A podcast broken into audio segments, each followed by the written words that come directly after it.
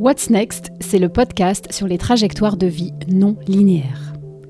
Je m'appelle Mathilde Piton, j'ai un blog qui s'appelle le blog de Mathilde, où je parle de voyages, de livres et de vie à l'étranger, car je suis française et je vis à Boston, aux États-Unis, depuis plus de dix ans. À la question Tu fais quoi dans la vie? j'ai répondu au fil des années par tout un tas de choses, d'éditrice à autrice, en passant par prof de yoga et guide touristique. What's next Pour moi, c'est la question qui n'a pas vraiment de réponse unique.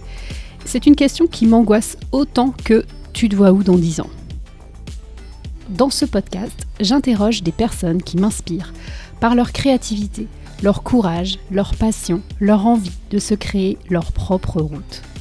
Faire des choix sur son lieu de vie, la place de la famille, quelle importance accorder au travail, à la carrière et à l'ambition.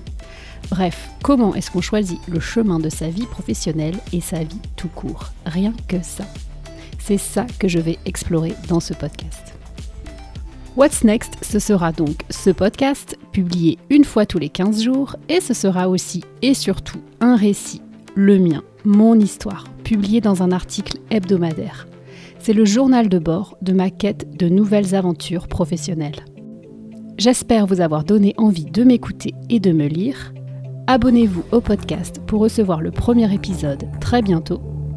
D'ici là, on se retrouve sur Instagram at What's Next Mathilde. Tout attaché. À très bientôt.